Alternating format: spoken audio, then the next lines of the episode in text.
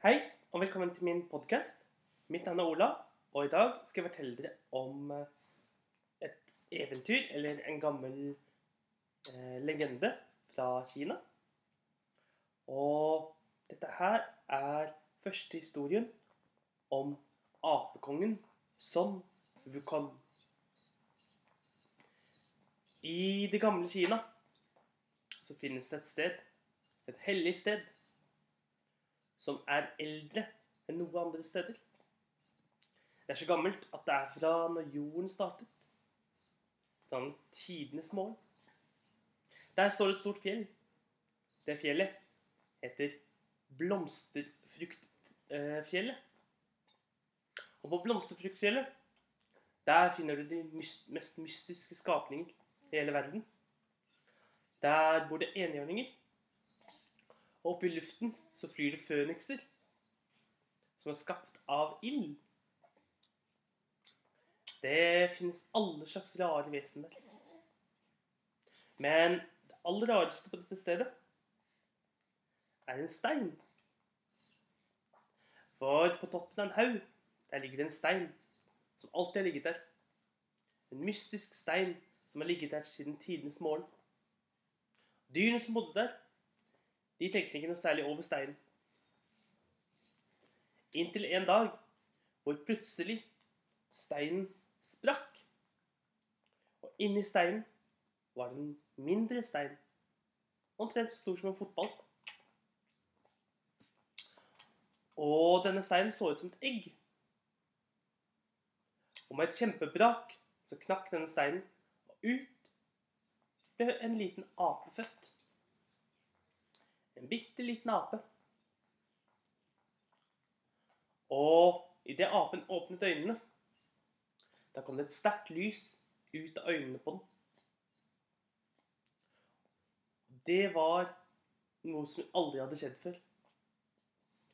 Selv med alle de rare dyrene, alle de rare vesenene som bodde der, selv med enhjørninger, selv med drager som fløy opp i luften, så hadde de aldri sett noe vesen som kunne skyte lys ut av øynene, og som ble født av en stein.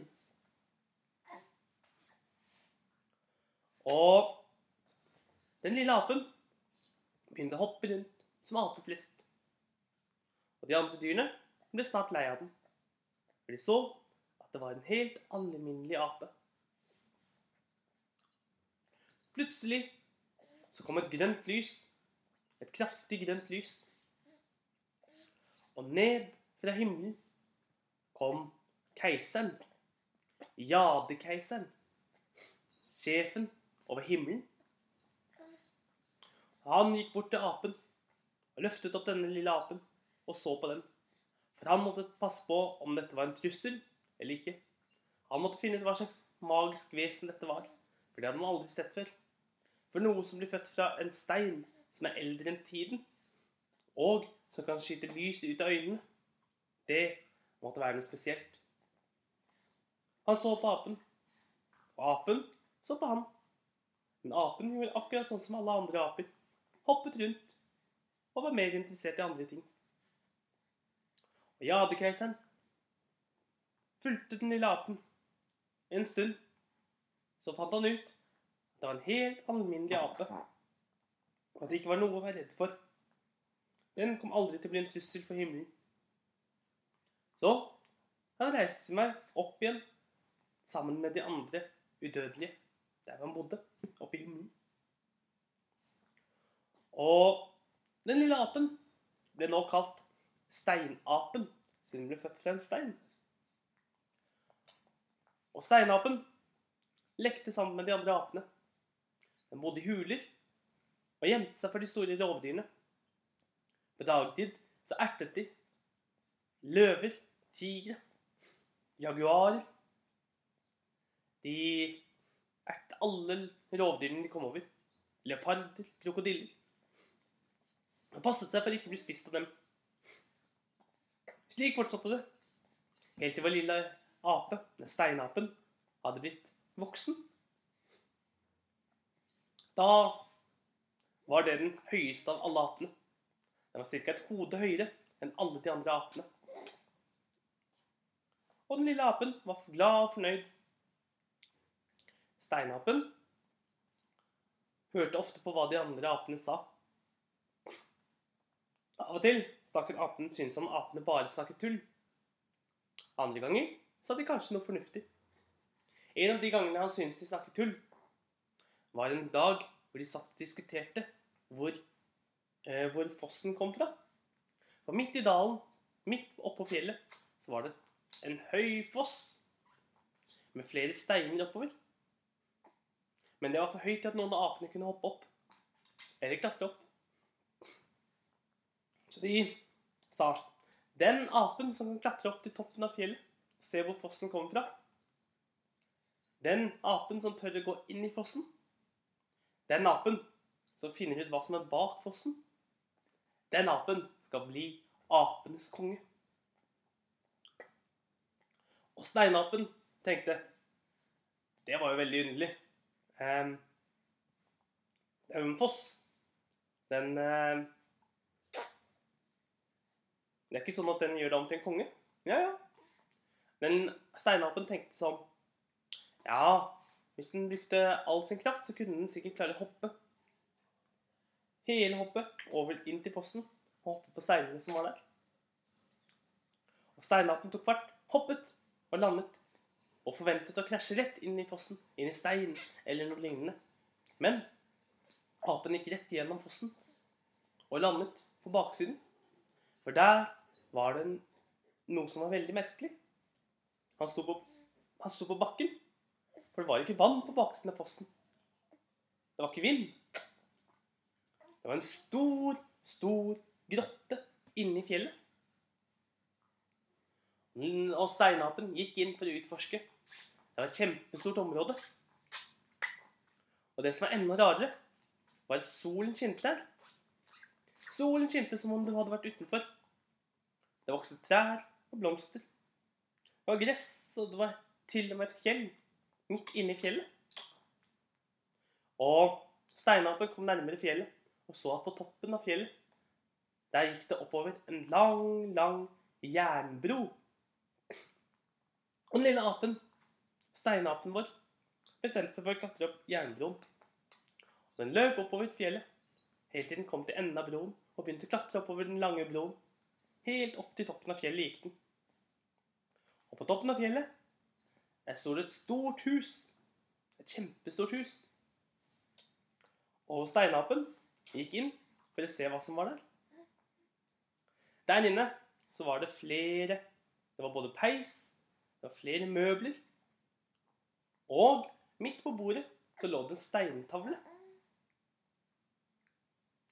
Og eh, apen han gikk bort og så seg rundt og leste hva som sto på steintavlen. Og der sto det nemlig at eh, dette var et hellig sted. Dette var starten på hele dalen. Og, eh, og steinapen ble veldig overrasket. For han hadde nettopp lært at han kunne lese. Det syntes han var kjempegøy. Han hadde aldri lest før. Han hadde aldri lært å lese. Men nå kunne han altså lese. I tillegg så visste han hvor hele dalen kom fra. Og han fant ut at den som hadde bodd i dette huset, det hadde vært antagelig en av de udødelige. Og eh, den lille apen hoppet tilbake ut gjennom fossen og ned til de andre apene. Og de andre apene jublet og mente at han nå skulle være kongen deres. Og siden da den lille steinapen kalt Apekongen. Og eh, Apekongen han fortalte alle apene om den store dalen, og at der oppe var det ingen rovdyr, ingen farlige dyr som ville spise dem, ingen leoparder, ingen løver, ingen tigre som hadde lyst til å spise de små apene. Der kunne de bo og lage aperike. Så de gjorde så. De flyttet inn der og eh, levde lykkelig og lagde apekolonien. Første apestedet, som var helt trygt og helt fredelig.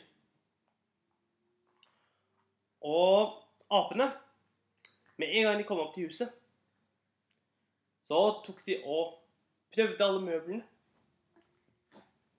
Og knuste alle steintavlene, for de kunne ikke lese.